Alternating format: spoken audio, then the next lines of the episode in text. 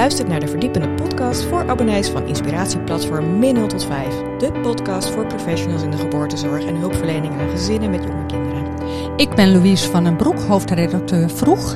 En ik ben Marlene de Zeeuw, klinisch IMA Nederland. Ons doel is perspectieven aanreiken aan hulpverleners. En onze missie is meer maatwerk in moeilijke situaties en sneller herstel van het gewone leven.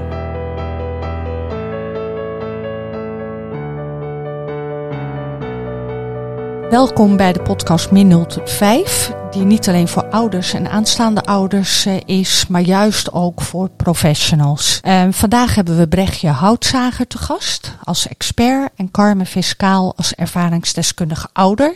En ons doel is om wat meer te horen over hoe kunnen we stress helpen verminderen in de levens van ouders met een veel te vroeg geboren kindje.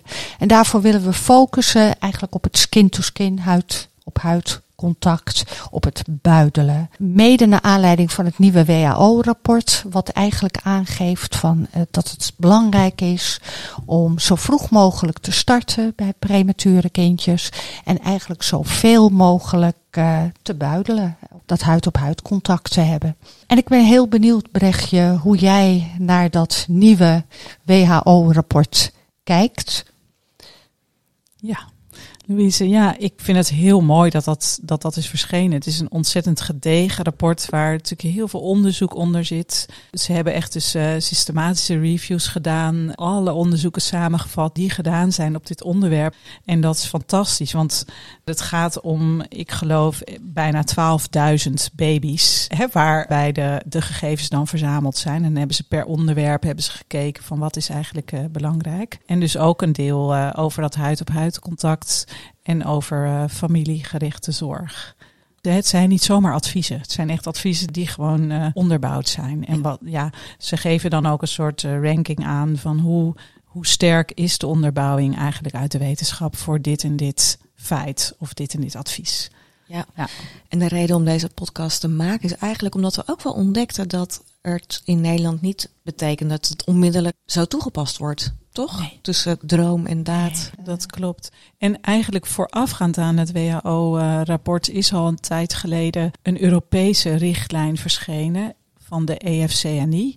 Dat is een Europese ja, samenballing van alle mensen die zorg leveren uh, voor prematuur geboren baby's heb ik ook aan meegewerkt. En dat rapport dat, ja, heeft eigenlijk voor een heel groot deel dezelfde adviezen als het WHO. Maar het WHO is natuurlijk veel groter en veel omvangrijker hè, dan dat EFCNI.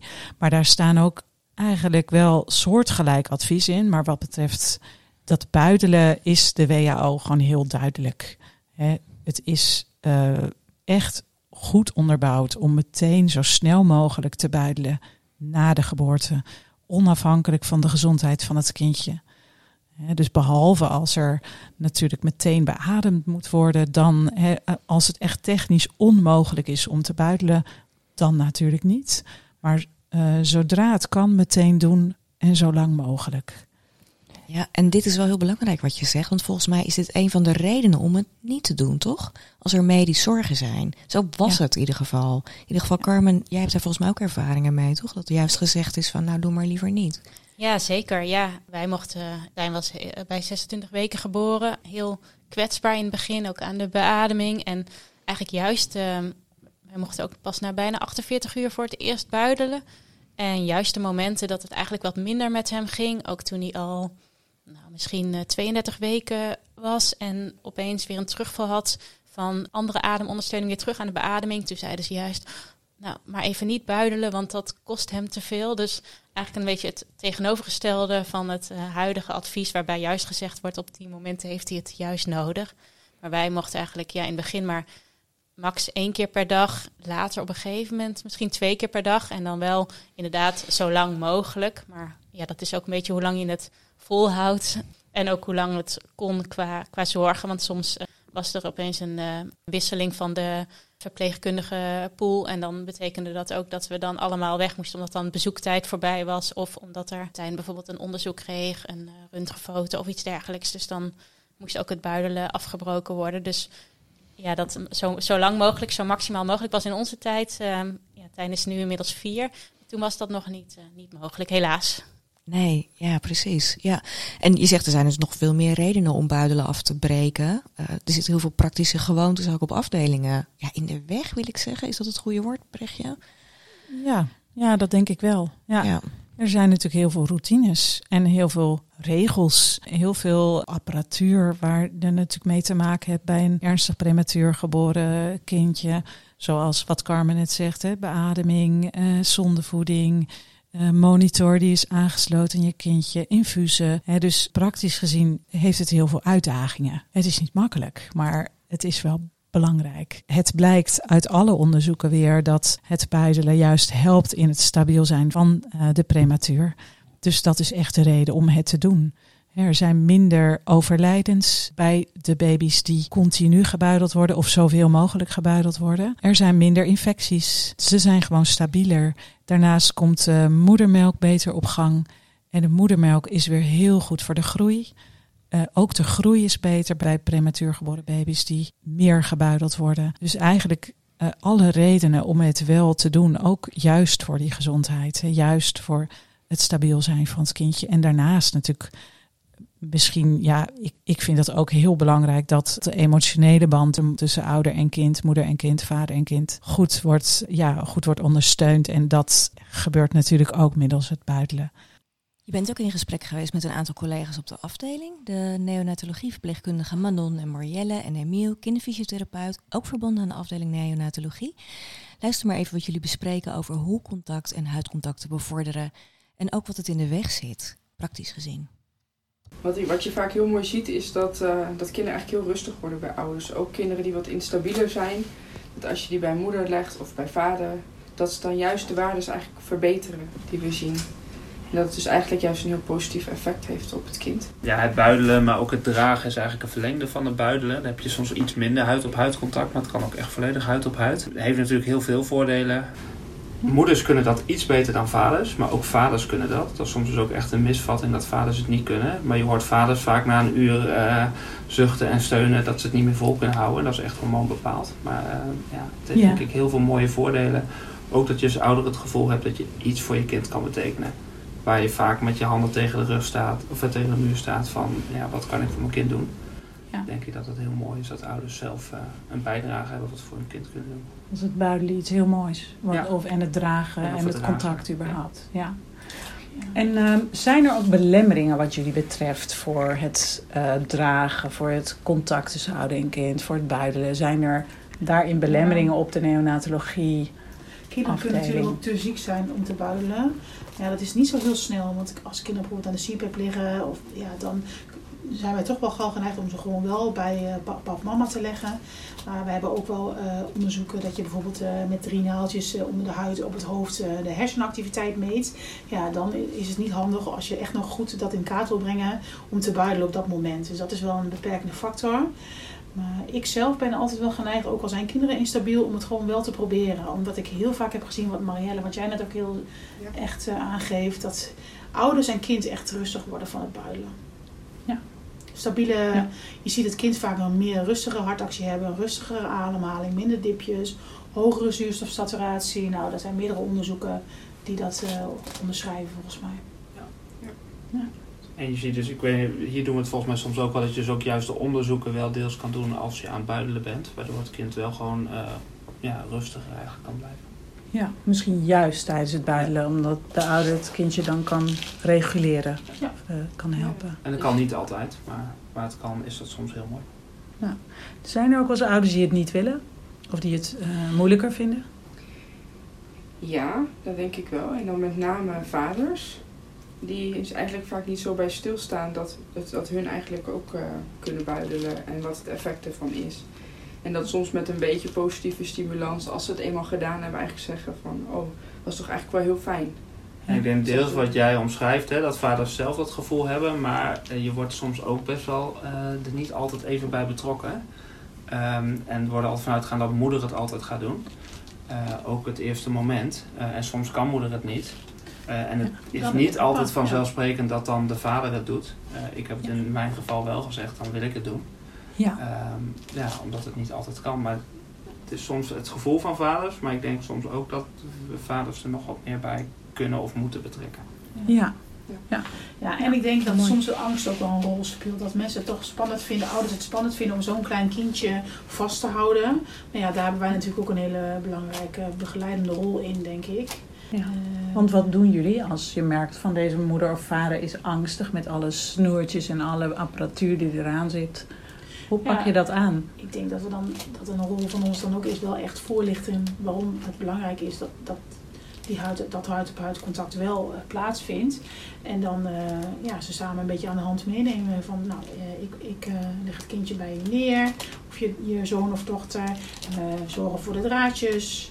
En ja, zo ja, in het proces begeleiden. En doen. Eigenlijk heb ik nog nooit meegemaakt dat het dan niet. eh, Heel soms heb je wel eens kinderen die dan zo eh, niet lekker in hun vel zitten, of net na de bevalling is het soms. Of ze hebben een moeilijke start gehad dat ze nog zo onrustig zijn. En Ja. Meestal worden ze rustig bij mama, maar je hebt sommige kinderen die nog zo onrustig zijn, die dan juist heel onrustig worden. En dan, gaan, en dan wordt mama en of papa en kind onrustig. Ja, dan kan je Ja. ervoor kiezen eventjes Te zeggen en dan even terug. hands-on te doen bijvoorbeeld. Ja, en hands-on bedoel je, wat bedoel je daarmee? Nou, dat, dat het kind toch begrensd wordt door eh, papa Ja. of mama in de couveuse of in het warmtebedje. Een Ja. hand op het hoofdje en op de beentjes of op het buikje. Dat, die, dat ze contact hebben en dat ze begrensd worden, net als in de baarmoeder. Ja, want huid-op-huid contact is meer dan alleen buidelen of Ja. dragen. Dat kan ook gewoon op een manier van begrenzen. Dat of hoe je een huid. kind eigenlijk verzorgt. Dat je daar ook zorgt dat het kind veel meer contact houdt. Of met de onderlaag, maar ook qua eh, je handvatten. Ja. Ja. ja, dus het kan ook gewoon aanraken zijn op Ja. een prettige manier voor het kindje. Ja. Ja, en daarbij is denk ik wel belangrijk dat, dat ouders hun handen een beetje stil houden en niet eh, gaan wrijven. Omdat ze dan eigenlijk de kinderen alleen maar meer geprikkeld worden. Terwijl Ja. dat eigenlijk een natuurlijke reactie is wat ouders eigenlijk gaan doen. Hè? We gaan het kind wrijven, aaien. Strelen ja, zo. strelen, Ja. aaien. Maar dat is eigenlijk iets wat je niet bij een prematuur moet Nee, de doen. in prikkels komen veel harder binnen en je wil vooral eigenlijk diepe druk. Ook als wij gestrest zijn heb je liever een stevige knuffel dan dat je een zachte aanraking. En dat, bij die kinderen wordt dat eigenlijk alleen maar uitvergroot.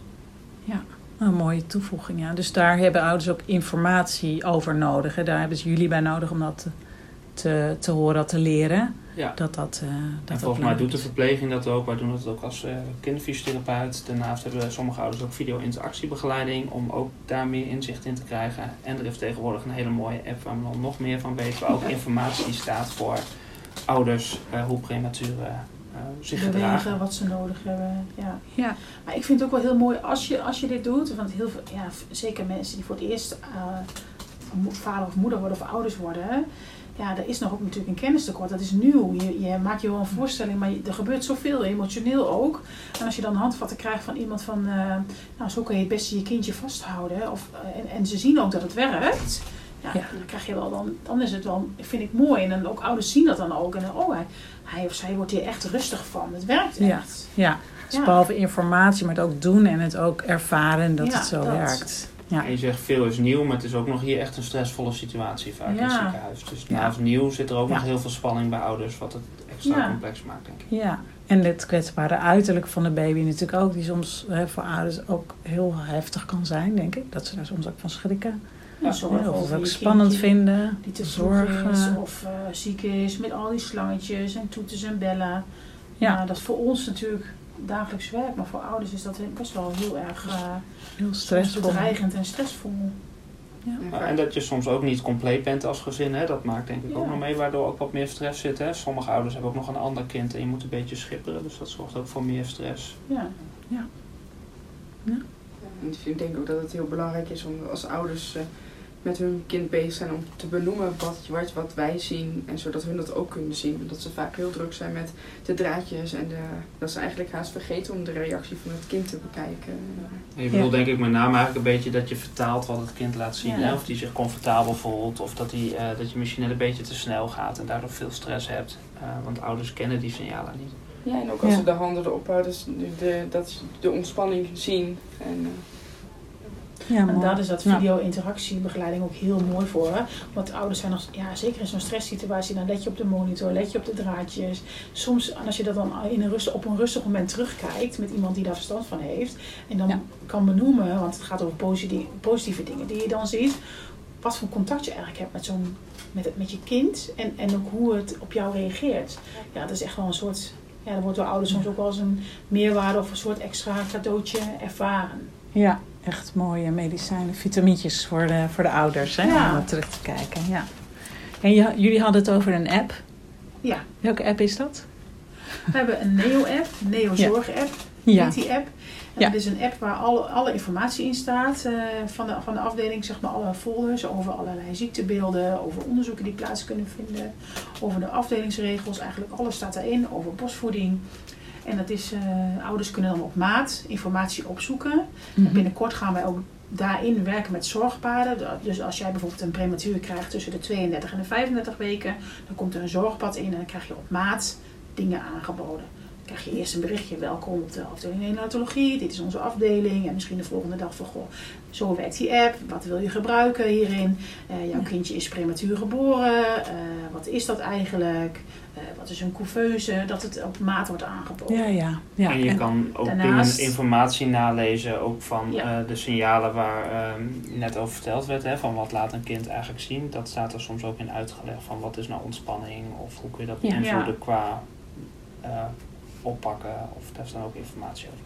Dus informatief, maar het belangrijkste voor ouders is, als wij hier niet zijn, dat wij ook af en toe een fotootje of een berichtje kunnen delen met hun. Oh, dat ja. is echt dus het is ook individueel meerwaarde, op ja. ouder en kind Ja. gericht. Dat we een fotootje kunnen sturen met een kort berichtje. Ja, dat is een hele mooie functie. Eigenlijk een soort dagboek van het kind eh, ontstaat dan. Ja. Mooi. Ja. En misschien er zijn ook ontwikkelingen dat het straks naar huis toe, dat je dan ook die app mee kan nemen als je bijvoorbeeld nog onder de lamp moet thuis of zonder voeding thuis. Dat, Mhm. dat wordt nu nog anders geregeld. Maar misschien is er, zijn er ja, dingen in ontwikkeling dat het meegenomen Dat je kan dat kan meenemen. Ja. En daar zit ook een functie in dat je dan wel kan communiceren met elkaar. Dat, dat gebruiken we nu niet. Toekomstmuziek. Je sprak ook nog met je collega's over het aan- en uitkleden van de baby als belemmerende factor. Ik had er helemaal niet over nagedacht dat kleding ook nog een eh, stoorzender is in het eh, buidelen. Maar waarom bedoel je als de kleren al uitgaan? Ja, was Nou, eh, het kan altijd. De ouders mogen altijd huid-op-huid contact ook hebben. Maar als ze wat groter worden, vooral in het begin zie je heel vaak buidelen, huid-op-huid contact. En als ze wat groter worden en kindjes gaan in de wieg, hebben ze kleren aan. En dan mogen ze nog steeds, als ouders dat willen, huid-op-huid contact. Maar eh, eh, soms is het ook belastend voor een kind steeds aan en uitkleden, omdat ze die kleedjes al aan hebben. Dus dan kiezen we er vaak voor als ouders dat willen. Dat ze op het moment dat het kind in bad gaat of gewogen wordt, dat ze dan nog een moment pakken om huid-op-huid contact te hebben. Als ze dat willen. Ja, dus ik hoor jou ook heel erg zeggen, we beschermen de kinderen ook tegen te veel prikkels en te veel verkleden en te veel gedoe aan dat lijfje, hoor ik jou ook eigenlijk zeggen. Hè? Dus dat weeg je tegen elkaar af. Ja, Ja. maar we, zijn wel, we gaan wel steeds meer in, mee in wat ouders willen en, en eh, nodig hebben. En eh, ja, wij, wij moeten natuurlijk belang van ouders en kind allebei eh, in de gaten houden. Ja, inderdaad. Ik was er ook door verrast, Marilenne. Want ik, had er ook helemaal niet bij nagedacht dat ja, als een, eh, als een babytje dus wat ouder is, het inmiddels kleertjes aan heeft en het dan verkleed moet worden. En we weten van de prematuren dat ze erg prikkelbaar zijn. En dat we te alle tijden willen voorkomen dat ze ontregelen. Hè, want daar kunnen ze weer een dipje van krijgen in de ademhaling. Dan daalt de saturatie. eh, dat willen we allemaal niet. Dus verpleegkundigen zijn er ook erg op gebrand om de baby stabiel te houden op allerlei manieren. Ja, het lijkt er ook op alsof het van een eh, heel technisch beroep, wat het natuurlijk eh, ook is, hè, en zeker op die NICU, omdat je dat kindje goed wil eh, krijgen of houden, nu meer de shift wordt naar ook het sociaal-emotionele stuk, het eh, emotionele band tussen ouder en kind. Ik moest ook even denken van de kleertjes krijgen ze aan. Is dat ook gewoon omdat het routine is geworden? Want anders zou je juist moeten zeggen, laat zo'n kindje lekker bloot, zodat het... eh, Ja, laat de kleertjes uit. Laat de kleertjes uit. Ja, ervan? Carmen, hoe kijk jij er tegenaan? Nou, kleertjes mochten ze sowieso pas, pas vrij laat aan. Dat in het begin, nou ja, Tijn was ook geboren met, die was nog geen kilo. Die, zelfs het premature maatje had hij echt bij lange na niet gepast. En in het begin had hij ook nog zoveel slangetjes overal. En plakkers van de monitor op zijn lijfje, dat, dat kon ook helemaal niet. En dat zou ook heel onhandig zijn voor alle medisch-technische handelingen die de artsen verpleegkundigen bij hem moesten doen. Maar op een gegeven moment, ik vond het wel ja, een van de hoogtepunten in het ziekenhuis, dat hij eindelijk, en dat was denk ik pas toen hij bijna 40 weken of zo was, kleertjes aan mocht. Omdat het juist, dat, dat maakt ook het weer wat, wat menselijker, wat huiselijker, wat meer normaal. Dat was ja, voor mij wel een soort hoogtepunt dat je eindelijk kleertjes aan mocht doen. En uh, hij moet het allemaal heel steriel moet zijn. Uh, daar moest hij dus ook elke dag nieuwe kleertjes aan. En al die kleertjes moesten op 60 graden gewassen worden. En dan was het wel wat Brechtje ook zegt, dat, het, ja, dat we wel het moment van verkleden moesten we dan aanpassen aan het buidelmoment. Omdat ja, dat aan- en uitkleden kostte ook al heel veel energie. Dus je moest hem niet eerst aan- en uitkleden en dan pas twee uur later gaan buidelen. Maar je moest, dus het, het vergt als ouder best wel wat timing in die zin qua wanneer ga je dan buidelen. En ook moest dat dan passen inderdaad binnen, binnen de zorg. Want als hij bijvoorbeeld smiddags een echo zou krijgen, nou, dan wilde de echo-scopist wilde dat niet doen als hij bij mij lag te buidelen. Dus dan zeiden ze, ja, we weten niet hoe laat de echo, uh, de radioloog langskomt. Dus ja, het buidelen vanmiddag kan niet. Ja, zo, zo ging dat. Meer vanuit het praktische gekeken. Ja, dat, ja, terwijl het is nu omgedraaid, hè, toch? Ja, Ja. het is die, de shift. Ja, hè? Dat is de, shift. bedoeling. Ja. Dat is de shift die we, die we Ja. aan het maken zijn. Ja. Ja. Ja. En wat vier jaar geleden dan nog hè, normaal was, Ja. gaan we nu proberen om wat meer om te draaien. Hè? Meer Ja. van niet eh, we buidelen eh, als, maar meer we buidelen niet als. Hè? We gaan in principe buidelen we, tenzij. Ja. Ik ben ook is- wel benieuwd wat de kinderarts daarvan zou zeggen of vinden. Want dit is natuurlijk ook een spanningsveld, toch? Je wilt een kind niet slechter maken. Tegelijkertijd, ja. Dus dat, dat, is, ja, dat is echt het spanningsveld wa- waar we mee te maken hebben. Je sprak voor de podcast met eh kinderarts-neonatoloog Martine Bouw-Schaapveld. En die zei dit. Ja, ik denk dat het heel belangrijk is om te beseffen dat eigenlijk voor zowel ouder als kind er belangrijke voordelen zijn van builen en huid-op-huid contact. Ik merk dat ouders vaak denken dat het voornamelijk is voor henzelf. En dat ze zeggen laat het kind maar liggen, geef het kind maar rust, ik sla het wel een keer over. We zien eigenlijk ook heel veel positieve resultaten bij de kinderen. Het onderzoek is ook wel aangetoond dat op de momenten bijvoorbeeld van builen... dat er heel veel hersenstructuren zich versneld ontwikkelen. Allerlei verbindingen worden gelegd tussen verschillende hersencellen. Ja, en dat er dus echt wel ook eh, de neurologische ontwikkeling van het kind ten goede komt. Daarnaast zien we in de praktijk met name ook hartslag dalen. Dat betekent eigenlijk toch dat het kind eh, comfortabel en rustig is, dat hij het prettig vindt. En de ademhaling wordt vaak wat regelmatiger. Dus we zien echt aan het kind ook uh, absolute voordelen van huid-op-huid contact. En voor de ouders is het natuurlijk toch heel erg fijn ook om uh, zo intiem te zijn met het kind. Nadat je al een moeilijke start hebt gehad. De gelegenheid hebt om toch heel dicht bij je kind te zijn. En er is ook wel aangetoond in onderzoeken dat je ziet dat dat bij de ouders veel lagere niveaus van stresshormoon uh, laat zien. Op de langere termijn ook. En dat dergelijke ouders die veel hebben kunnen buidelen of huid-op-huid contact hebben gehad, later minder trauma's, minder angst en stemmingstoornissen hebben. Naar aanleiding van uh, de, in dit geval vaak premature geboorte of anderszins een verstoorde geboorte en een verstoorde uh, ouder-kindbinding. Dus uh, voor beide partijen zijn er hele grote voordelen te behalen aan veel dicht bij elkaar het liefst bloot op bloot samen te zijn. De WHO zegt dan wetenschappelijk aangetoond hoe meer buidelen, hoe beter. Dus misschien wel 24 uur per dag. Hoe zie jij dat in jouw praktijk als uh, kinderarts-neonatoloog op een neonatologieafdeling of een NICU eigenlijk voor je? Wat is daarvoor nodig of wat zijn de knelpunten daarin? Ik denk dat het een heel mooi streven is, uh, 24 uur per dag. De praktijk um, is soms natuurlijk wel wat anders. Het ligt heel erg aan of het je eerste kind is je enige kind. Of dat je thuis uh, nog een paar kleuters hebt rondlopen. 24 uur buidelen met je kind is wel intensief. Want je kan eigenlijk niks anders doen. Dus je kan niet ondertussen ook de afwas doen of boodschappen doen. En dat is in de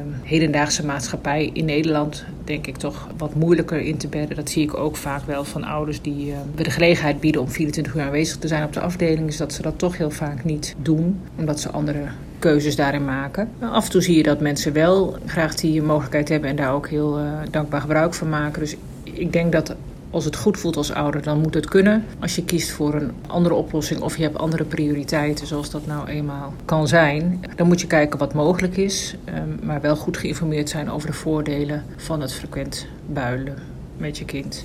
En dan moet iedereen kijken wat voor hem of haar haalbaar is. Ja. Mooi. En wat zou een afdeling nog kunnen of moeten faciliteren? Want we komen situatie van uh, zaaltjes uh, met kaberschermen en uh, tuinstoelen. Wat nou ja, in ons ziekenhuis nu allemaal verbouwd gaat worden. Maar wat denk jij dat er nodig is vanuit ja, wat wij kunnen faciliteren als bijvoorbeeld ziekenhuis of hulpverleners om ouders heen om dit, om dit wel voor elkaar te krijgen? Ja, ik denk dat het zo uh, comfortabel en rustig mogelijk moet zijn. Het liefst natuurlijk een, uh, een eenpersoonskamer of in ieder geval een kamer voor het gezin. Met een comfortabele stoel. Je hebt daar speciale buidelstoelen voor, zoals wij die hebben. Het kan natuurlijk ook in het bed als moeder nog uh, niet fit genoeg is.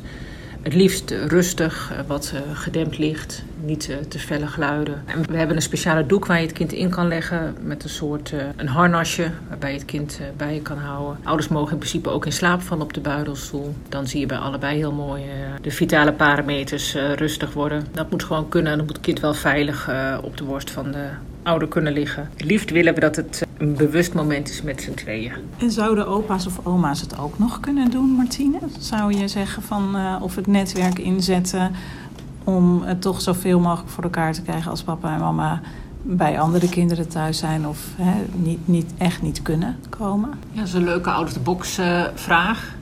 Ik denk uh, dat het streven is primair de ouders. Maar ik denk dat je heel goed, zoals we dat ook met een heleboel andere opvoedkundigen taken doen. Dat als een eigen vader of moeder niet in de gelegenheid is om, om dat contact met andere nauwe verwanten uh, te leggen. Dat kan een hele goede alternatief zijn. En er kwam nog bij, bij, mij nog iets op toen je zei over een rustige omgeving en gedempt licht. En doen we met monitorgeluiden tijdens buidelen. Hoe denk jij daarover? Want ik hoor nog wel eens dat ouders daar ook erg van kunnen schrikken. Of dat soms een monitor van een ander kind afgaat. En dat weten ze niet altijd, want ze, ze kijken daar niet op. Want ze zijn met hun kindje bezig en de monitor staat soms achter hun. Dus dan weten ze niet om welk kind het gaat. Hoe kijk jij daarnaar? Dat soort geluiden voor ouders en tijdens het buidelen? Ja, dat is met name iets van de afgelopen uh, jaren hebben we monitoren gehad die uh, afgaan eigenlijk uh, aan het bed van het kind. In toenemende mate wordt gewerkt naar toch stille alarmen die bijvoorbeeld op de trillend binnenkomen bij de verpleegkundige, zodat je wel geïnformeerd bent over een alarm, maar zonder dat er een hele harde auditieve prikkel van uitgaat. Zodat dat zowel het kind, maar dat geldt natuurlijk ook voor de ouder, niet um, schrikt van de daling. Want dat zie je ook nog wel eens. Soms is het kind zo ontspannen en zo diep in slaap op de huid van de ouder. dat juist de ademhaling of de hartslag wel eens een slag overslaat. En dan dus een incident geeft waar ouders erg van schrikken. maar wat dus eigenlijk een compliment is. Want betekent dat je kind zo ontzettend ver weg is. zo ontzettend aan het slapen is. dat ja, de hersenstam heel af en toe even vergeet om een signaaltje af te geven. Dus dat is eigenlijk juist heel erg mooi. maar dat is voor ouders soms heel spannend. Zouden we ouders daar ook wat meer op moeten voorbereiden dan? Want ik hoor ook nog wel eens inderdaad dit stukje terug. En dat ouders dat niet weten, dat ja. het eigenlijk een compliment is. Uh, en dat ze het ook niet verwachten. Dus uh, wat ik... denk je dat wij daarin kunnen doen als zorgverleners? Nou, ik bespreek dat heel vaak. Ik weet natuurlijk niet of dat structureel is ingebed in uh, het praatje rondom builen door de verpleegkundige. Maar um, ik vertel ouders heel vaak dat dat juist de momenten zijn waarop de dips optreden. En dat dat betekent dat het kind extreem ontspannen is. Oké, okay, ja. Ja. En dan kan je van iets spannends eigenlijk iets positiefs proberen te maken. Ja, nou mooi. Dank voor deze toevoeging.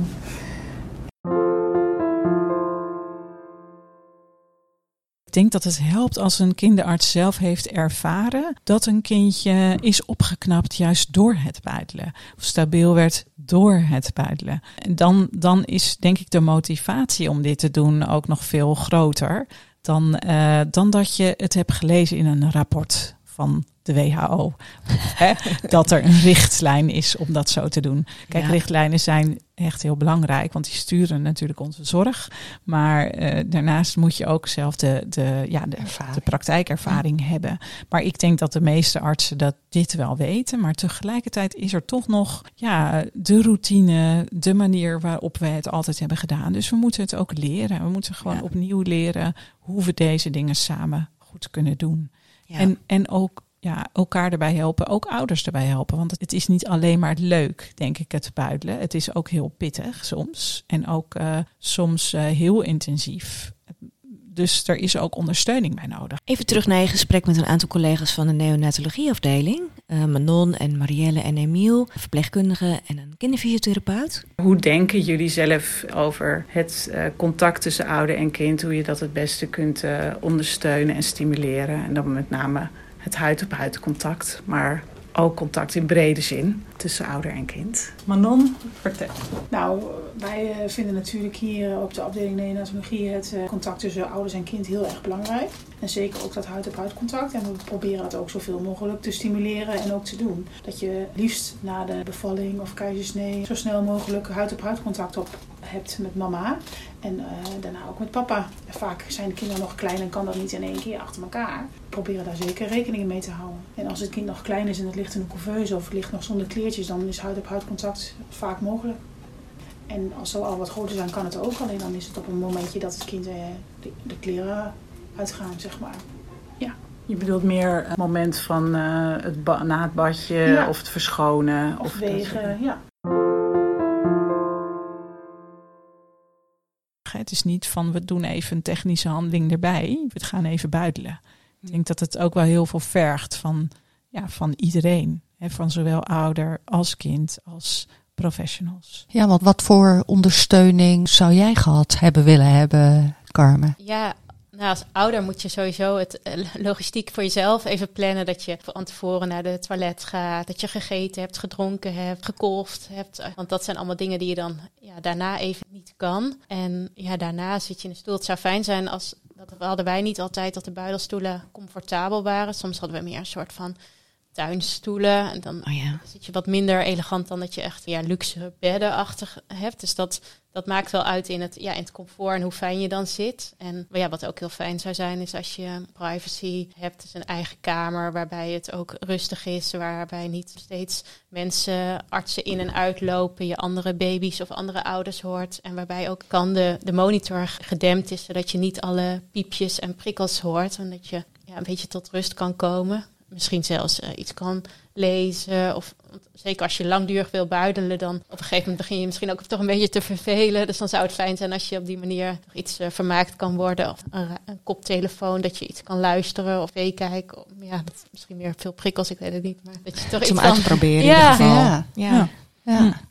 En ik kan me ook voorstellen dat inderdaad die privacy dan ook heel belangrijk is. Hè? Als je buidelt tenzij, dan ben je natuurlijk heel erg lang bezig met je kindje, wat ook heel fijn is. Maar als je dan in die tuinstoel zit, dat, ja, hoe, dat hoe je- gaat men in de praktijk daarmee om, Brechtje? Ja, nu is het vaak inderdaad nog een tuinstoel. Of wordt er, het staat ook in het WHO-rapport trouwens, ook het advies, is ook advies van ouders meegenomen. Dat is ook heel mooi. Eh, ouders hebben daar ook over meegedacht. En die eh, gaven inderdaad aan van zorg voor de faciliteiten, zorg voor een fijne stoel. Ze zijn al blij als er een extra stoel naast een bedje staat. Hè? Ik bedoel, ouders vragen helemaal niet zoveel. Nee, Ja. dus eh, dat vond ik al heel, ja, ook aandoenlijk. Want ik dacht, goh, je mag best nog wat meer vragen.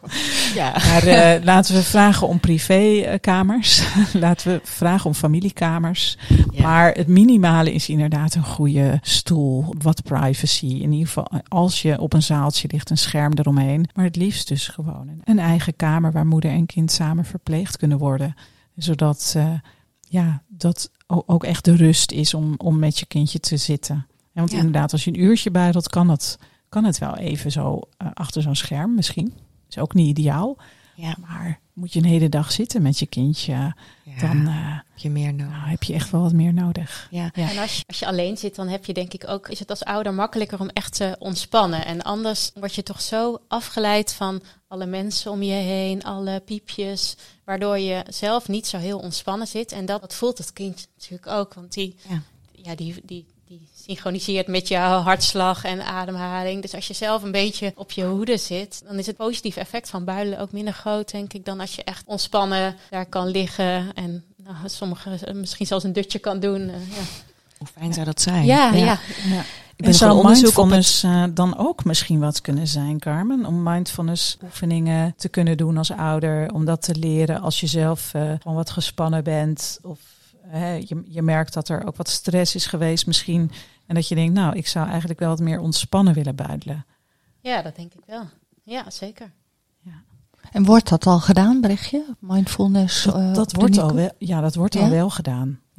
Ja. Ik werk zelf niet op een NICU meer, maar ehm, ik weet dat dat wel gedaan wordt. Ja, en dat is natuurlijk, ja, ik denk, ontzettend helpend. En voor ouders uh, is de omgeving van de NICU of de neonatologie ook ontzettend stressvol. En om te leren ontspannen, hè, ondanks alles wat er om je heen gebeurt, de hectiek, de geluiden van de monitor, um, de ademhaling van je kindje, hoe je kindje eruit ziet. Ja, alles speelt mee. Hè? Dus je kind merkt het ook allemaal. Dus het is wel heel fijn als ouders daar wat uh, begeleiding bij krijgen, denk ik. Ja. ja. Tof. Zou je het aangepakt hebben of zou je het ja, zeker. willen onderzoeken? Ja, ja, zeker. Ja, nou, wij stonden eigenlijk allebei wel open voor, voor alles wat we aangereikt kregen. Ook omdat je toch in die periode eigenlijk heel machteloos bent en weinig kan doen. Dus alles wat ja, wat kan helpen. Zo lag Tijn ook voor het eerst in Groningen in het UMCG, of de eerste, het eerste ziekenhuis waar hij lag. En daar deden ze experimenteel muziektherapie. En nou, dat was dan ook een experiment waar we wel aan mee wilden doen. En één keer per week of zo kwam er toen iemand langs met een soort schaal waarin kleine balletjes zaten. En daar,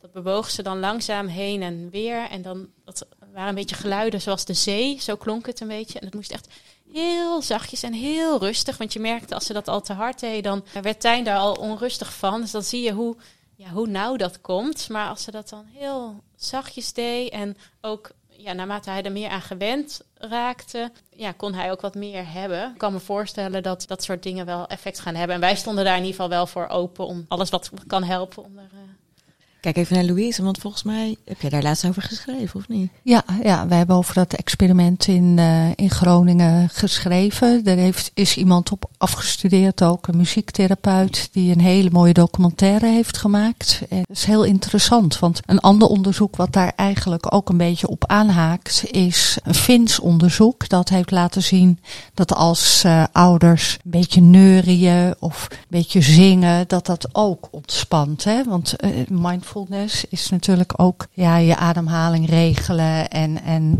heel rustig worden. En dat kan dus ook met dat neurien of zingen onder begeleiding, want dat wel.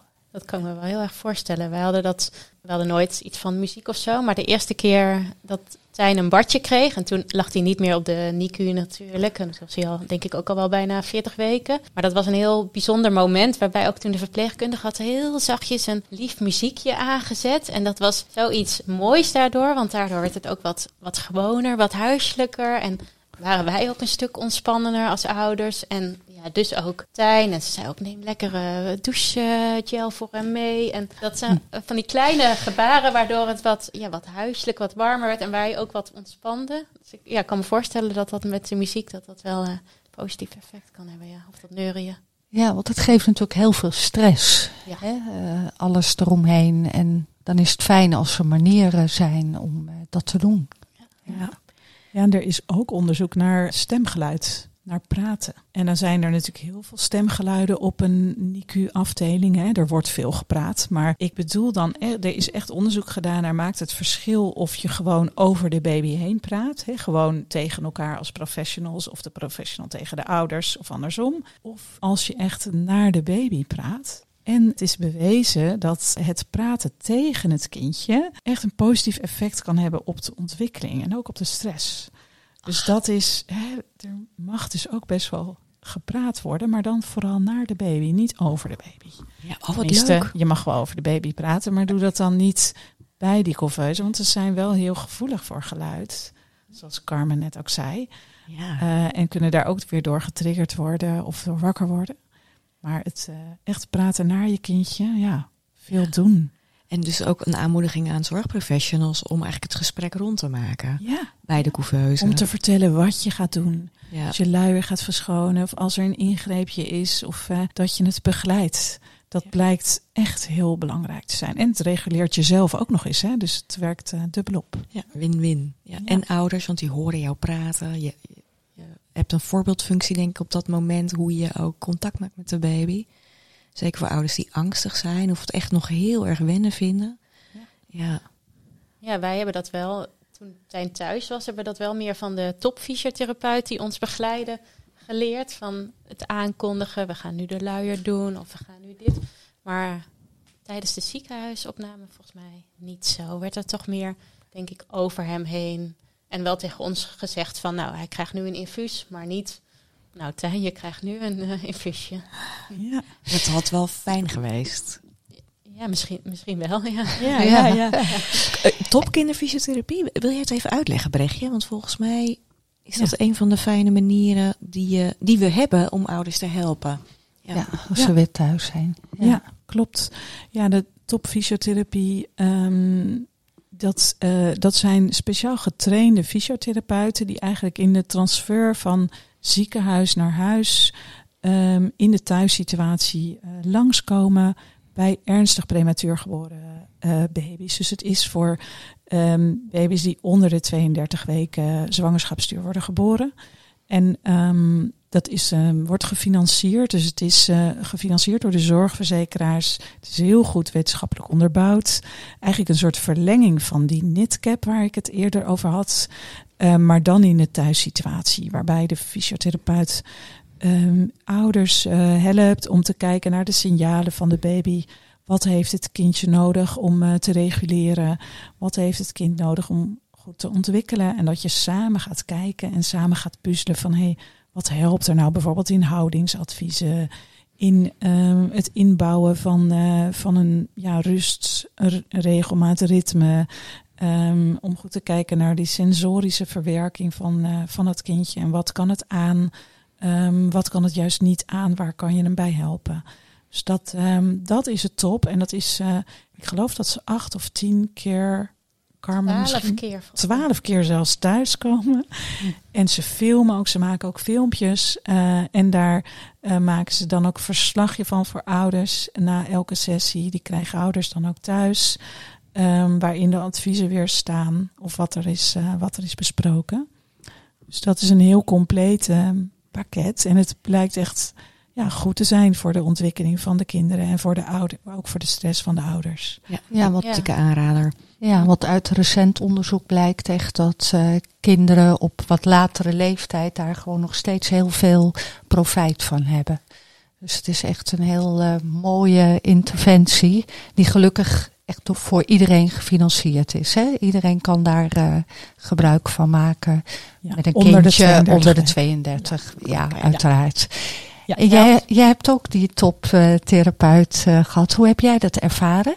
Ja, heel, heel fijn. Het hielp ook wel heel erg uh, voor ons als ouders om uh, wat vertr meer vertrouwen te krijgen.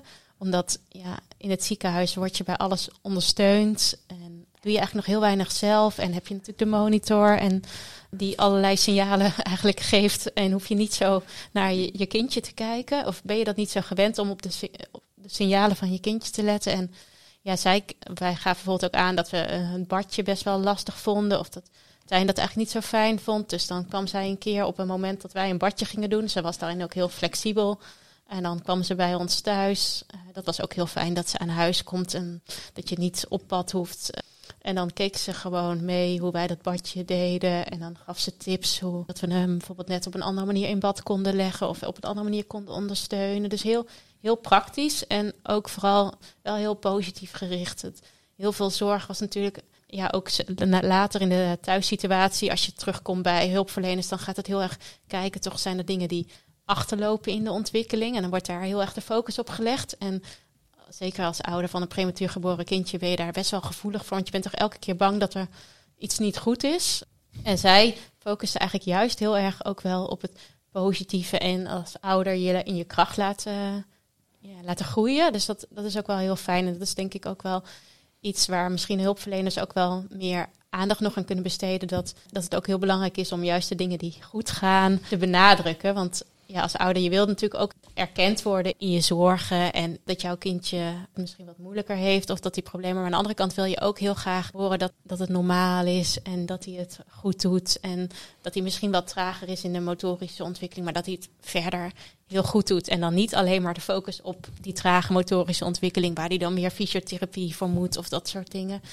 Uh, ja. ja, je wil ook heel graag dat het ja, dat, dat de zorgen een beetje voorbij zijn. Het is een beetje dubbel, want het is, aan de ene kant wil je erkenning van de, van de zorgen die je hebt of van de speciale situatie, maar je wil ook, ja, ook horen dat het goed gaat en vertrouwen krijgen. Dat vertrouwen krijgen is wel heel belangrijk. En fysiotherapie, die topfysiotherapie, wel heel erg bijgedragen heeft bij ons aan het, uh, het vertrouwen en de, ja, ook als een soort van kraamhulp. Want die kraamhulp hebben we ook niet gehad. Dus dat is in die zin een beetje daar. Die rol heeft ze ook vervuld. Ja, ja. net als de prelogopedisten. Die hadden wij ook nog eh, voor Ja. de hulp bij de voeding en zo. Ja. Die heeft er ook bij veel bij geholpen. Ja. Ja, goed om te horen.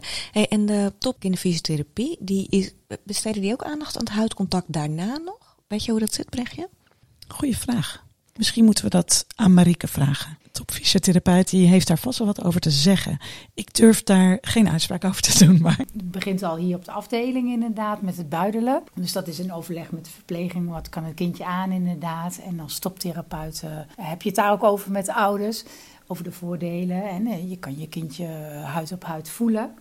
Hoe, voelt de ademhaling? En eh, je hebt je kindje heel dichtbij. Je kan het ruiken. eh, je kan het van dichtbij zien. Hè. Vaak hebben ze een spiegeltje erbij. Dat ze ook de gezichtsuitdrukking kunnen zien van het kindje. Als je dat net niet kan zien als je lekker ontspannen ligt. En zo leer je eigenlijk elkaar steeds beter kennen. Kleine signalen pak je al snel op. Dus je, je weet al hoe de ademhaling van je kindje voelt. Dus als daar iets in verandert, zul je dat ook gaan merken. Dus als stoptherapeuten stimuleren we dat wel. Eh, op de afdeling gaat het in overleg met de verpleging hoeveel een kindje aan kan op dat moment. Eh, hoe lang, hè? dat je niet even snel buidelt, maar ook daar de tijd voor neemt en een kind daar lekker eh, zijn slaap mee kan pakken. En dat, nou ja, ik merk wel thuis dat heel veel ouders dat buidelen dan stoppen, hè? dat huid op huid. Ja, dus dat zeggen we ook wel eens van, nou, dat deed je in het ziekenhuis zo graag. Eh, doe je dat thuis ook nog wel? Dus dat bespreken we ook wel. En dragen is wel iets wat we vragen in het ziekenhuis. Hier doen we het nog niet standaard op de afdeling, wel eens op verzoek. Dat willen we wel gaan doen in de toekomst, daar wat meer naartoe nog, vanwege alle positieve effecten. Maar thuis bespreken we dat ook wel en stimuleren we dat ook wel, omdat dat gewoon ook, eh, ja, die hele periode dat je toch je kindje in het ziekenhuis lag en niet bij je kon eh, hebben, is dat mooi om dat ook na die tijd. Maar dat laten we wel bij ouders. Er zijn ouders die zeggen, nee, daar ben ik helemaal niet van. Dan gaan we daar ook niet, nee, dan laten we dat hooguit dat het af en toe later nog eens te sprake komt. Als het kindje bijvoorbeeld onrustig is, hoe sta je er nu in? En soms merk je dat ouders dan denken, ja, ik wil het toch eens proberen en dan wel eh, daar wat in gaan doen. Goed om te weten dat dat ook wordt meegenomen. In ieder geval. Naast deze podcast hebben IMH Nederland en Vroeg nog meer te bieden. Je kunt je niet alleen abonneren op onze nieuwsbrieven, want die ken je waarschijnlijk al. We doen nog meer op het vlak van kennis delen. Vroeg heeft een jaarlijkse congresagenda. Check hem op vakbladvroeg.nl. En neem een abonnement op vakblad Vroeg Magazine. IMH Nederland biedt korte en lange cursussen op het vlak van infant mental health in alle regio's in Nederland. Oriënteer je op imanederland.nl wat de volgende stap kan zijn voor je organisatie en je regio. Ja, en de andere kant van het huid-op-huid contact noemde je vanuit de WHO de band hè, tussen ouder en kind. Kan je daar wat meer van vertellen, hoe ze dat onderbouwd hebben? Naar Ja, kijken? Ja, daar is ook veel onderzoek naar gedaan. Het is wat moeilijker eh, heel hard wetenschappelijk te onderbouwen. Het meeste bewijs vinden ze voor dat soort parameters als aantal overlijdens, stabiliteit. Hè, dat zijn echt medische getallen. En eh, het onderzoeken van de band tussen ouder en kind is natuurlijk veel lastiger. Hè, dat, dat zijn veel minder harde getallen waar je aan vast kunt houden. Maar er is wel positief bewijs voor dat het buidelen daarbij eh, helpt. Dat komt wel uit sommige onderzoeken. Maar er zijn ook onderzoeken waar het net niet zo hard eruit komt. Omdat het gewoon een ingewikkeld iets is om te onderzoeken. De hechting of de ouder-kindrelatie op latere leeftijd. En is dat iets waar jij in je werk eh, mee te maken hebt? Dus met die ouder-kindrelatie en hoe dat gaat? En kan je daar iets over vertellen? Zeker, ja. Ook zeker bij, bij Jeugd GGZ, waar ik ook werk. Daar hebben we echt als focus de behandeling van de ouder-kindrelatie. En als je kijkt naar onze populatie, zien we ook veel kinderen met een medische achtergrond. Niet alleen prematuur geboren kinderen, maar ook ja, kinderen die vanwege medische interventie zijn opgenomen geweest. Of een, een medische aandoening. eh, of zondevoeding hebben gehad of wat dan ook. En daar zie je dan vaak toch dat, dat er haperingen kunnen komen tussen ouder en kind op latere leeftijd ook. En ouders die willen daar ook wel hulp bij dan. Die, die lopen daar dan ook echt tegenaan van ja, ik begrijp mijn kind niet goed. Ik snap het niet dat hij dan zo boos wordt. En dan ontregelt het. Eh, hoe, kunnen we, ja, hoe kunnen we weer wat positiever eh, in contact komen met elkaar? Dus ik merk dat dus bij, bij die populatie echt heel erg. Dat als je gaat terugkijken, dat er vaak al dingen zijn geweest. Of ook al in de zwangerschap. En dat er al zorgen zijn geweest in de zwangerschap rondom de gezondheid van het kind. En uiteindelijk ja, denk van ja, er is een gezond kindje uitgekomen. Ja, dat is ook zo. Maar we, ja, we kunnen niet vergeten dat er dan echt al angsten zijn ontstaan, vaak bij ouders, die maken dat ze toch echt onzekerder zijn soms in het contact. Dat ze bezorgder zijn, dat ze soms hun kind echt willen beschermen tegen alles wat er kan gebeuren. Maar dat dat soms ook maakt dat ja, de, in de relatie het kind het soms moeilijker vindt om autonomie te pakken. Of juist te veel autonomie gaat pakken. En, en dat voor de ouders weer heel spannend wordt. Want we, sommige ouders zitten nog steeds met de angst van jeetje, hij kan nog doodgaan. Of hij kan nog iets gebeuren. Al er kan nog die- iets misgaan. Ook al, al- is die al eh, gezond, ehm, helemaal goed gekeurd door het consultatiebureau. Of maakt niet uit, hè, of door de kinderarts. Maar alsnog blijkt soms die angst nog, ja, nog wat langer te bestaan dan, eh, dan dat we eigenlijk eh, willen.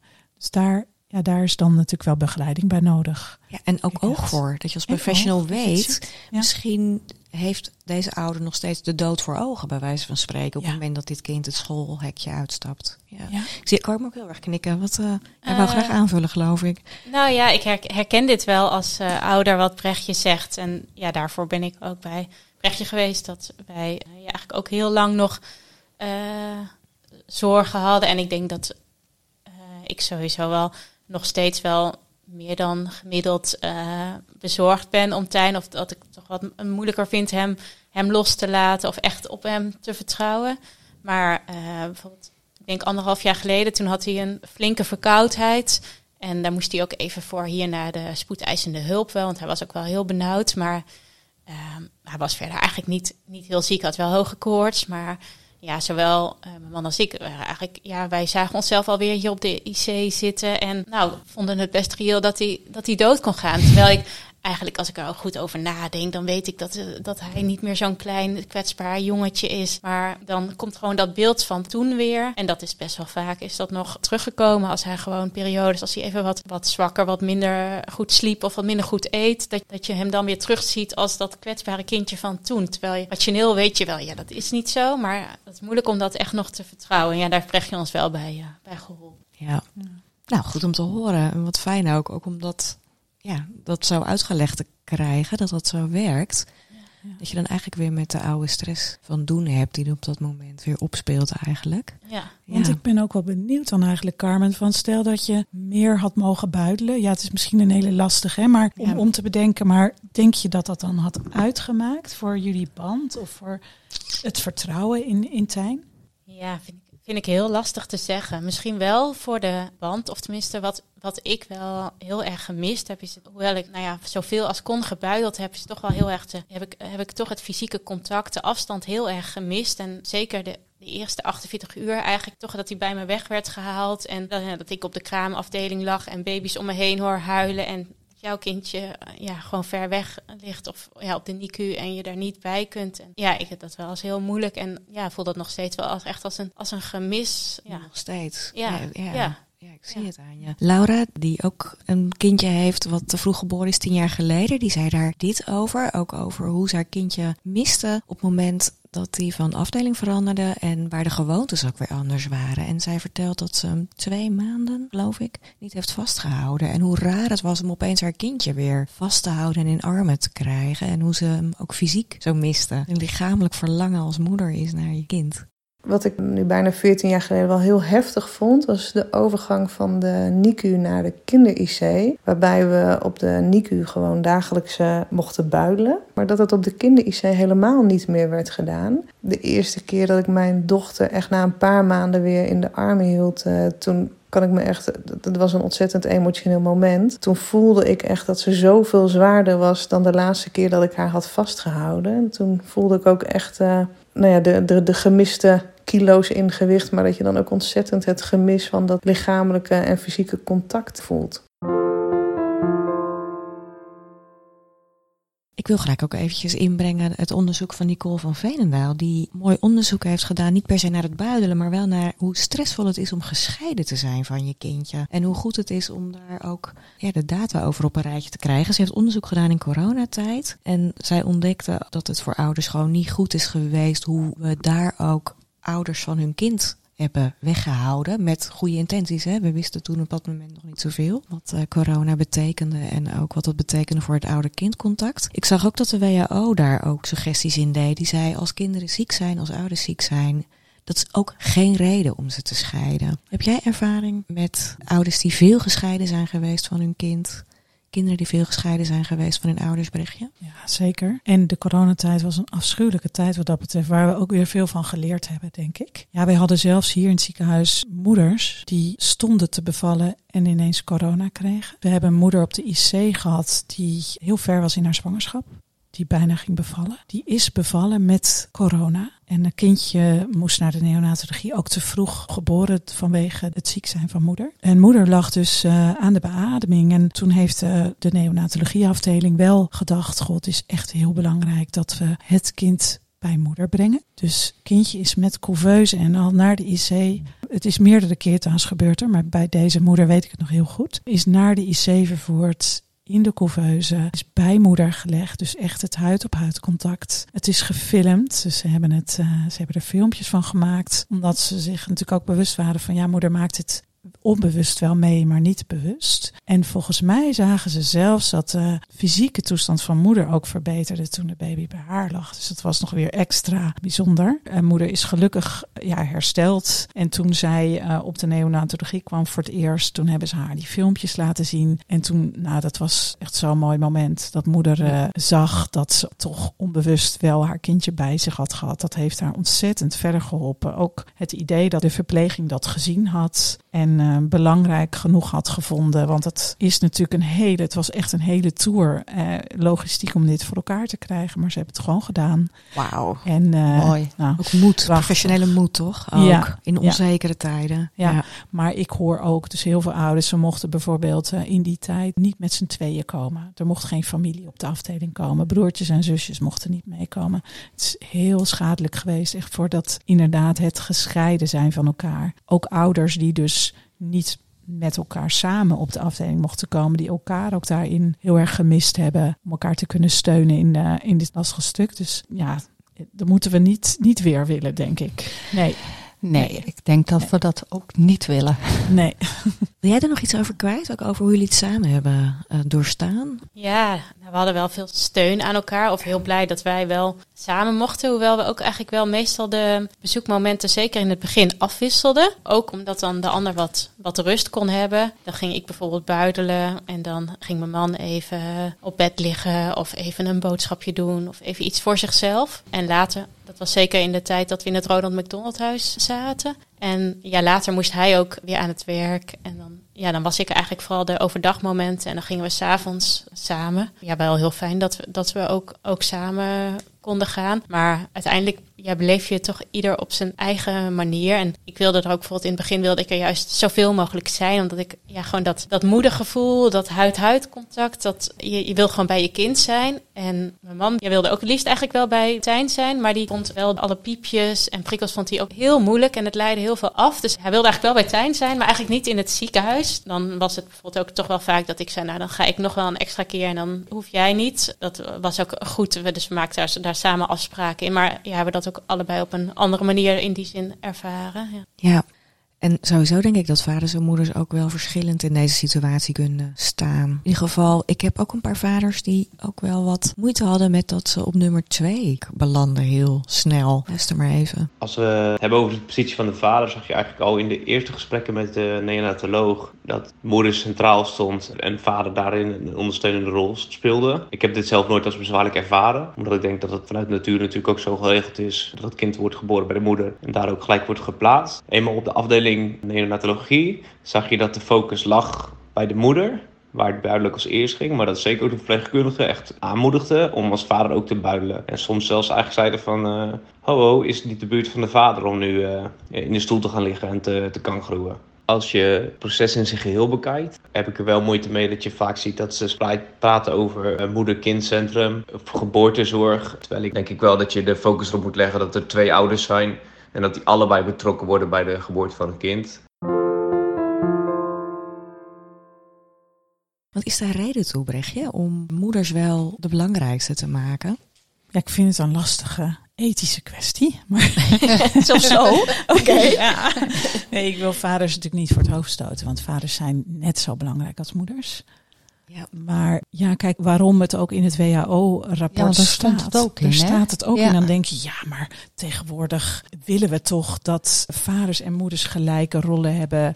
Vader kan moeder toch gewoon vervangen. Dat, dat is natuurlijk ook zo, hè, als het een normale situatie is. Maar in dit geval weten we gewoon dat het, het is wetenschappelijk onderbouwd, dat buidelen voor moeder en kind zo belangrijk is, ook voor de borstvoeding. Dat de geur van de moeder door het kindje herkend wordt en dat de moeder dus nog beter de premature baby kan reguleren dan de vader. Hoe naar dat ook is voor de vader. Maar ze zullen dat zelf ook wel merken. Dus eh, tijdens het buidelen, en Carmen zei dat net ook, hè, dat papa ook wel merkte dat als baby bij hem kwam te liggen, dat het soms ook nog wel wat langer duurde voordat hij stabiliseerde. En dat heeft gewoon met geur te maken, met eh, baby heeft toch echt bij moeder in de buik gezeten. En vader heeft geen borstvoeding, dus helaas kan die niet bieden. Nee. En die geur van de borstvoeding van de moeder, Ja. dat, dat is toch het allerbest voor het kind. En het kind zorgt er weer voor dat de moeder meer productie heeft van borstvoeding door het buidelen. En uit ander onderzoek komt ook weer dat die borstvoeding weer essentieel is voor de prematuur. Dat dat ook maakt dat ze beter groeien en beter ontwikkelen. Dus het is een win-win situatie. situatie. Ja. En jij sprak ook jullie kinderfysiotherapeut die ook vertelde nog over dragen en prematuriteit. Gebeurt dat hier in dit ziekenhuis? Het gebeurt hier nog niet. Verpleegkundigen willen dat wel graag. En deze fysiotherapeut is ook. Maxima, geloof ik, hè? Ja. Ik weet dat er een artikel heeft gestaan in de vroege, Louise, door uh, Klopt. Rachel Verwij geschreven. Kijk, Ja, het is dat natuurlijk is een groot oud. verschil tussen een NICU en een neonatologie high care of medium care afdeling. Hè? De neonatale medium care unit. Daar doen ze het nu in het Maxima. Ja. Ja, kijk, op een NICU met beademde baby's is dat? wel heel ingewikkeld, denk ik. Ja. Maar dat weet ik niet. Maar ik kan me voorstellen inderdaad op een medium care dat dat, Ja. dat dan wel mogelijk is. En dat dat natuurlijk heel fijn is om te kunnen doen. En dan hoeft het niet per se papa of mama te zijn. Dat kan ook iemand anders zijn. Ook of zelfs een verpleegkundige of een vrijwilliger hè, die komt dragen. Ja, Ja. ja cool. Ja. En, Ja. en het Wel vergroot je bewegingsvrijheid, toch? Tenminste, dat vind ik het voordeel van dragen. Tenzij je niet met draadjes ergens aan vast zit. Ja, maar dan neem je zo'n paal mee, denk ik, op wielertjes. En dan, eh, Nou, ik weet het niet. Ik kun denk je dat ook dat koffie ook- gaan halen met Ja, je baby. precies. Ja. Dan heb je niet die, want ik hoorde Carmen net ook zeggen van ja, dan moet ik eerst zorgen dat ik heb geplast. plassen, eten, alles. alles, alles doen. En dan liggen. Ja, Ja, ja. ja, precies. Nee, ik- in het eh, MMC mogen dan ook de vroeggeboren baby's eh, gedragen worden. En, maar daar is wel een heel protocol voor. En ook zowel de verpleegkundigen als de ouders worden daar ook in begeleid Geschoold, en geschoold. En het mag vanaf 35 weken oud en minimaal 1800 gram. Kijk, Mits de situatie dit toelaat. precies. Ja, leuk. Ik ben benieuwd. Ik bedoel, eh, Ja, hoe verder dat kan gaan betekenen. Er zijn zoveel opties eigenlijk. Maar ja, het hangt ook af van een aantal professionals die daarin eh, stoute schoenen aantrekken, moed vatten en zeggen: Ja, we gaan een pilot doen. Zo. ja. Ja, we gaan, gaan het eens doen. uitproberen. Ja, we gaan het gewoon doen. Ja, ik ben wel benieuwd nog, Brechtje. Carmen vertelde dat ze eigenlijk eh, heel wat ondersteuning heeft gemist in het begin bij dat buidelen. Hoe kijk jij daar tegenaan? Wat zij daar. Hè, zij gaf natuurlijk aan dat ze te weinig informatie had. En waardoor er steeds stress eh, optrad eigenlijk. Ja, ja, ze heeft dat heel mooi verteld. Hè. Ik denk inderdaad dat, dat we dat nog te weinig doen. Dat we soms ook niet helemaal snappen wat er in ouders omgaat. Ja, dat, dat verpleegkundigen, artsen er ook in opgeleid kunnen worden of ondersteund kunnen worden van hé, hey, hoe is het eigenlijk voor de ouders hè, Ja. om dit te doen? Want wij, voor ons is het allemaal vanzelfsprekend. Wij weten waarom het belangrijk is, maar een verpleegkundige weet ook wat er kan gebeuren als je een kindje verplaatst van een couveuse naar de borst van de ouder. Hè. Dat, dat Carmen vertelde dat Tijn dan eerst ontregelde. En als je dat niet weet van tevoren, dan kan je daar enorm van schrikken. En dan ga je misschien denken, hé, hey, door mij gaat hij nu door het fout. buidelen. Ik Ja. doe iets fout. Moeten het niet meer doen. Dus eh, ouders daarin meenemen is denk ik echt heel belangrijk. Goed voorbereiden. Eh, waarom je het doet, eh, hoe je het doet, hoe dat in zijn werk gaat, wat er van de ouder verwacht wordt. En daarnaast ook een stukje mentale ondersteuning, denk ik. Hè, van wat ze kunnen doen om, om zichzelf ook te reguleren. Maar het, het reguleert natuurlijk op zich al als een verpleegkundige jou ziet. Hè, en eh, in de gaten heeft wat het met jou doet en daar ook oog voor heeft. Ja. Ja. Want schuldgevoelens wil je natuurlijk voorkomen bij ouders. Ja, die zullen er zijn. Die zijn er. Die zijn er. Je wil ze er wel bij helpen. Hè? Ja. Ja. Ja. ja, van dit komt niet door jou, dit komt gewoon door de transfer van de, van de couveuse naar jou. Maar als hij helemaal bij je ligt, dan zal je merken dat hè, bijvoorbeeld de saturatie weer, weer eh, toeneemt en de hartslag weer normaliseert. Zo, en zo moet je ook eigenlijk in. Ik weet niet of jullie bekend zijn met Comfort Talk, maar. eh, Leg maar even uit. eh, dat gaat om positief taalgebruik. Het is ook bij, niet alleen bij kinderen die dat al, die een leeftijd hebben dat ze dat begrijpen, maar ook bij, bij zulke premature baby's belangrijk om met de bril van Comfort Talk te kijken naar wat je zegt. Hè? Ook wat je zegt tegen ouders. En dat je zegt van, goh, ik verwacht dat door het buidelen de, ja, je kindje stabieler wordt. Hè? Hoe rustiger jij bent, hoe rustiger hij ook zal zijn. Of zij, hè? als Ja. het een meisje is. Dus ehm, dat is Comfort Talk. Het is eigenlijk je positieve verwachtingen ook uitspreken. Ja. Ja, de ouder meenemen in die positieve verwachting. Ja. En ook vertrouwen eh, laten doorklinken in wat je Ja. zegt eigenlijk. Het gaat Ja. goed komen, dit komt Ja. goed. Dit komt Ja. goed. En ze helpen met wat zij allemaal kunnen doen. En hun, ja, hun positieve invloed eh, op de baby. Dat is ook Comfort Talk eigenlijk. Ja. Ja. Hey, en Brechtje, er zullen ook eh, professionals zijn die ervaring hebben van ouders die niet durven buidelen of waar weinig gebuideld is. We hebben ook een geschiedenis in Nederland achter de rug waarin er in ziekenhuizen weinig mogelijkheden waren om het aan te kunnen bieden aan ouders. Hoe kunnen we daar als professional mee omgaan? Je ontmoet die ouders, je komt ze tegen, ze voelen zich schuldig, ze voelen zich falen. Ook misschien wel juist door nu de nadruk van zoveel mogelijk. Ja, daar zit ook weer een kanttekening aan inderdaad. Of een keerzijde. Hè? Ja. Van je moet buidelen. Ja, precies. Ja, wat als het niet lukt? Ja, ik denk dat het echt heel belangrijk is om ouders daarin te onschuldigen. Want het is natuurlijk een normale situatie. Hè? Het is geen eh, het buidelen in de gezinssituatie, lekker thuis, ehm, je baby eh, op je borst leggen, is een heel ander verhaal dan in een ziekenhuis met alle toeters en bellen. Dus ehm, ik denk dat het belangrijk is om ouders daarin te onschuldigen hè? en om te zeggen, we doen het zodra het kan. Hè, zodra jij je wel prettig voelt. Want we adviseren toch ook niet ouders om te gaan buidelen als ze een hele hoge hartslag hebben en ze zelf hartstikke veel stress hebben. Want dan voelen zij ook wel dat dat niet goed is. Een ouder voelt daar zelf goed zijn grens in aan, denk ik. En is ook belangrijk om die juist te respecteren. En dan te zeggen, goh, maar als je niet, hè, nu even niet kan buidelen, misschien kan je wel tegen je baby praten. Of kan je wel je handen om hem of haar heen leggen, zodat hij eh, zich stabiel en gesteund en veilig voelt bij jou. Hè. Of, of de geur van papa of mama kan al, eh, kan al heel veel betekenen. Dus zo hè, denk ik dat je oude stress ook weer een beetje naar beneden kan brengen. Het is niet alleen maar buidelen. We kunnen nog veel meer doen als dat gewoon nu even niet lukt. Ja, ja. en En- daarin mag je het kleiner maken voor ouders. En te Zo. kijken wat ze wel misschien nodig hebben om de volgende keer het wel te kunnen. Ja. Ja. Ja, en dan moeten vatten eigenlijk. Of om over hun verdriet of hun pijn of schrik heen te stappen. Ja. Ja, erdoor, ja, of er overheen te stappen wil ik zeggen. Ja, het gaat ook over dat je daar begrip voor hebt dat dat er is. Ja, En en dat soms, je het erkent. Ja. Ja, en dat, dat, dat gevoel van falen of schuldgevoel is ook heel erg, eh, daar is zo'n premature geboorte ook heel erg van doortrokken. Hè? Alle, alle moeders of, en vaders soms ook voelen zich schuldig. Bijna allemaal. Dat, dat schuldgevoel wat ze kunnen voelen als het buidelen niet lukt, is ook een schuldgevoel wat denk ik nog wel veel dieper zit. Dat eh, ze soms zich ook heel naar voelen dat zij de zwangerschap niet hebben kunnen voldragen. Dat het kindje bij hun misschien niet ge- gezond genoeg was om langer in die buik te blijven. Of dat zij misschien niet gezond was. Dus dat, dat, kan, eh, dat kan nog heel diep zitten. En soms is daar wel wat extra ondersteuning nog weer voor nodig. Psychologische ondersteuning. Ja, om dat ook te normaliseren. Hè, om o- hè, dat een moeder ook weet van bijna alle moeders voelen zich hier schuldig over. Dat is ook weer heel normaal. Ja, en om dat dan uit te leggen. Ja, En raad je dat dan ook aan aan professionals? Van goh, hou dat in de gaten en zorg dat er hulp komt als dat nodig is. zeker. Dus, want het is Ja. niet standaard nu, hè?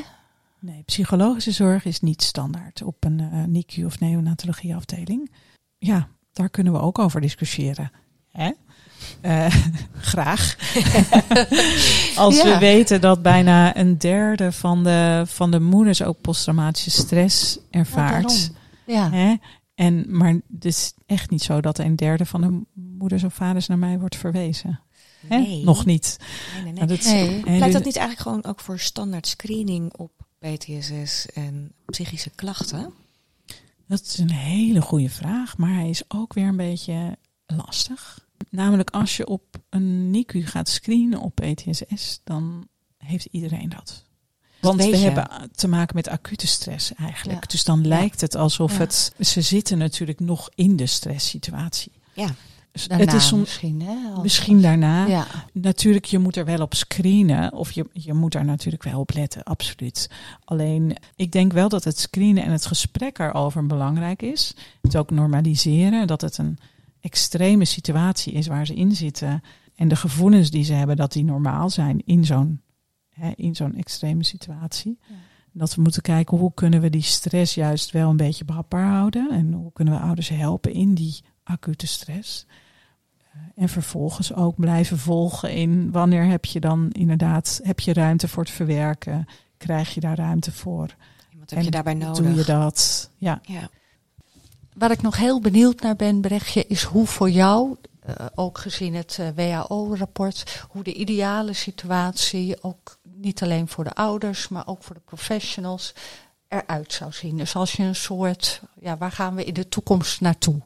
Hoop En je. er is geld. Ah, kijk. En er is geld, oké. en ruimte. Ruimte, zeker. Ja, inderdaad. Als er geld en ruimte is, nou ja, dan eh, als we kunnen dromen, dan, dan zie ik echt een mooie afdeling vormen. Een beetje een huiselijke afdeling. Ja, waar echt een huiselijke sfeer is. Waar ouders ehm, op een ja, gezinskamer met hun kind kunnen verblijven. Waar ook papa's en broertjes en zusjes eh, ontvangen kunnen worden. Dus echt een familie geïntegreerde zorg. En waar we als professionals ook goed getraind zijn om ja, alles te zien en te ja, wat, wat meer afgestemd nog te zijn op wat hebben deze ouders en dit kind nodig. Wat meer echt individueel gericht. Gekeken naar wat hebben deze ouders en dit kind nodig. En we als professionals ook kritisch daarnaar kunnen kijken met elkaar. Van hey, doen wij dan echt het juiste? En voortdurend in reflectie zijn met elkaar van hey, hoe kunnen we nou dat nog wat meer bijsturen? Of hoe kunnen we nog meer afstemmen op deze ouders en dit kind? Want dat is denk ik echt wat, wat het beste werkt. Wat ja, niet, niet een bepaald stramien. Wat, we moeten af van het, van het stramien en van de hekjes. Ik denk ook dat de, de schotten tussen instellingen en tussen afdelingen weg moeten. En dat we veel meer samen moeten werken rondom, eh, rondom ouder en kind. Dat is wel echt mijn, eh, mijn ideaalplaatje. Ja. Ja, mooi. Dank je dat je deze droom met ons deelt. En laten we hopen dat het in de toekomst eh, zo gaat voor Ja. al die te vroeg geboren baby's en hun ouders. Ja, en ik denk dus ook nog even daaraan toevoegend de psychosociale zorg er ook wat meer bij betrekken. Want ik denk, neonatologieafdelingen en NICU's zijn bijzondere afdelingen. Die zijn vaak een beetje afgesloten. Je loopt ook niet zomaar een IC op. Durf, dat doe ik hier ook niet in dit ziekenhuis. En de neonatologie, daar zitten ook allemaal deuren tussen. Dus ik zou ook letterlijk het, het fijn vinden, ook voor ouders. Als het wat meer een open afdeling is, dat je niet op bezoek komt, maar dat je echt thuis komt. En ook voor professionals, hè, dat ik als psycholoog of als, eh, dat je als maatschappelijk werker of pedagogisch medewerker gewoon de afdeling oploopt zonder schroom van oei, ik ben een soort indringer. Nee, iedereen Een welkom. heiligdom. We zijn één team samen. Ja, ook als ziekenhuis en ook de samenleving eromheen. Ja. Naast deze podcast hebben IMA Nederland en Vakblad Vroeg nog meer te bieden. Je kunt je abonneren op onze nieuwsbrieven.